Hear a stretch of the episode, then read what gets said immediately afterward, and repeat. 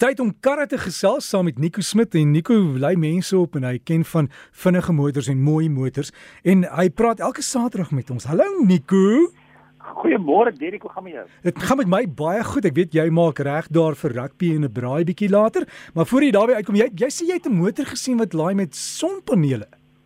Dis reg, weet jy wat so ruggelê mense my iemand my gevra oor motors met sonpanele en ek het gesê ek dink nie dit gaan werk nie want die karre is te swaar en die panele kan nie gebuig word nie en hulle sit nie genoeg energie in in die ehm um, terug in die kar nie en dis nou juist wat hierdie entrepreneurs my verkeerd bewys het. Daar's 'n maatskappy genaamd Lightyear en hulle voertuig die Lightyear uh kom ons sê Lightyear 0 of Lightyear 0 um, word nou bekend gestel as nog 'n prototipe maar hulle kyk om binnekort binnekort die kar te verkoop en en dit elektriese kar wat wat energie kan terugsit in die battery deur sonpanele.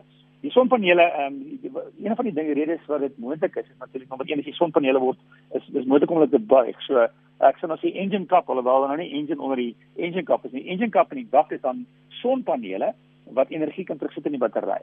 So die die groot fokus hier is om die kar so lig as moontlik te maak en die kar so ehm um, die laagste moontlike sleerfaktor te gee. So sy sleerfaktor, met ander woorde sy drag coefficient in Engels is 0,19 wat baie laag is.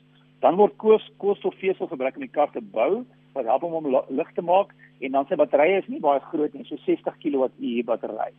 En dan het hy ook 'n motor by elke wiel. In Engels sê hulle eintlik uh, by by by elke hub, met ander woorde die die wiel self amper is 'n motor.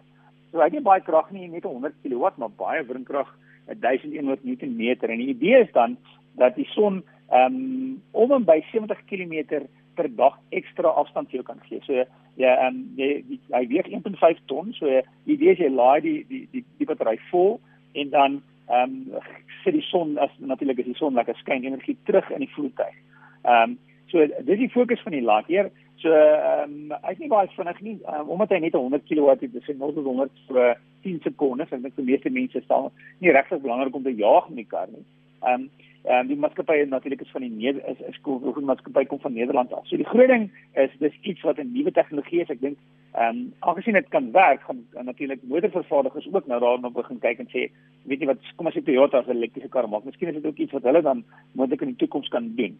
Ehm um, die prys nogtans is bietjie buite ons wel ek weet nie van jou nie weet ek is bietjie buite buite my bereik dis 200 uh 265000 euros so 200000 kos om om by 4.3 miljoen rand tans is die koste van die Lightyear 0 maar kyk gerus daarna dis 'n um, 'n nuwe tegnologie wat ons moontlik oor 'n paar jaar en meer motors gaan sien. Dan het ek ook 'n vraag gehad ek iemand het vir my gevra ehm um, weet jy wat ons on, ons verkieslik wil jy nie jou voertuig afskakel by die verkeerslig ehm um, weet ehm um, of of as ek voet ek nie daarvoor ontwerp is nie. Ehm um, weet ons praat nou van die stopryfunksie of in Engels die startstopfunksie. Is dit dan 'n goeie idee as jy op lang afdraande jou voet in neutraal sit om om brandstof te spaar? Ehm um, persoonlik dink ek sien nie 'n goeie idee nie vir 'n paar redes. Nommer 1 ek dink dit is nodig nie. Meeste moderne voertuie ehm um, wanneer jy jy die die petrolpedaal los, kom ons sê 120 km/h op die snelweg en jy los die petrolpedaal, dan sny dadelik die brandstof af na die engine toe. Met ander woorde, Ja, sodra jy nie ehm um, petrol die petrolpedaal trap nie, is word daar glad nie brandstof gebruik nie. Natuurlik is daar 'n bietjie engine remming met ander woorde die kar verloor bietjie spoed. Um, baie van die moderne karre ook met outomatiese radkasse, kom ons sê as 'n dubbelkoppelaar radkas, sal die radkas ehm um, en die engine ontkoppel. Met ander woorde in Engels praat hulle van freewheeling, met ander woorde die die kar gebruik weer eens nie energie nie. So, meeste karre is eintlik nie nodig om die voete in die neutraal te sit nie, want as jy die petrol los, gebruik hy nie um, brandstof nie. As jy 'n handrat, selfs met 'n handrat voertuig is dit nie nodig nie.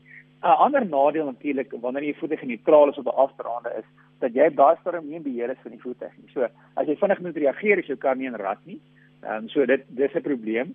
As jy ehm um, vinnig moet versnel, kan jy kan versnel nie. En ook andersins kan jy moontlik verkeerde rad kies dit kan gebeur dat jy kom as jy vyfde rad wil gaan en jy kies derde rad veral op 'n agterwiel aangedrewe voertuig kan die kar op daai oomblik onstabiel maak. So ehm um, as as as 'n gewoonte is dit nie goeie gewoonte om neutraal te wees nie. Ehm um, ek sal sê eerder vyfde rad of sesde rad as jy kar sesde rad het, los die petrolpedaal op afdraandes en dit sal genoeg wees om die brandstof te spaar.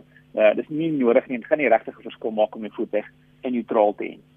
Ja, Nico anders ry maar net minder beplan ordentlik en ry net wanneer jy moet.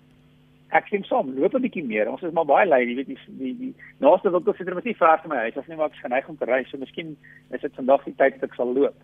Ja, Nico, ek ek lag altyd by winkelsentrums as jy kyk na mense. Hulle soek altyd 'n parkering naby aan die deur en hulle sal 6 keer omry brandstof mors, maar daai parkering in die hoek, hulle sal not 'n not 'n ding is daar gaan stop, né? Nee? Ja, dis baie, jy's reg met die groot beplanning. As, as jy net goeie beplanning in die dag lê, dan gaan dit verseker verskil maak. Maar ek het gister my kaart vol gemaak en en, en geskrik toe ek 'n 1200 rand moes betaal om hom vol te maak. So jy weet nie wat verseker, weet ons het nie keuse nie, ons moet nou goed beplan, want dit raak redelik duur. Ja, Nico, en terwyl jy by die winkelsentrum is, jy weer daai daai geel gemerkte parkerings met die sirkel op die grond en so streepie deur is nie vir duur Duitse motors gereserveer nie. Vir DDM's nie. Ja, ja. Nie. Ja, Nico, alles van die beste. Lekker braai later, hoor. Dankie, lekker naweek vir jou ook. Ja, ons sal so maak. Dankie Nico. En dit dan Nico Smit met ons wiele bydra. Die gesprek sal as 'n pot gooi op ons webtuiste beskikbaar wees volgende week, so van maandag af. So dan kan jy weer gaan luister en as jy een van hierdie dier uh sonkarretjies wil koop, sterkte, anders begin nou spaar.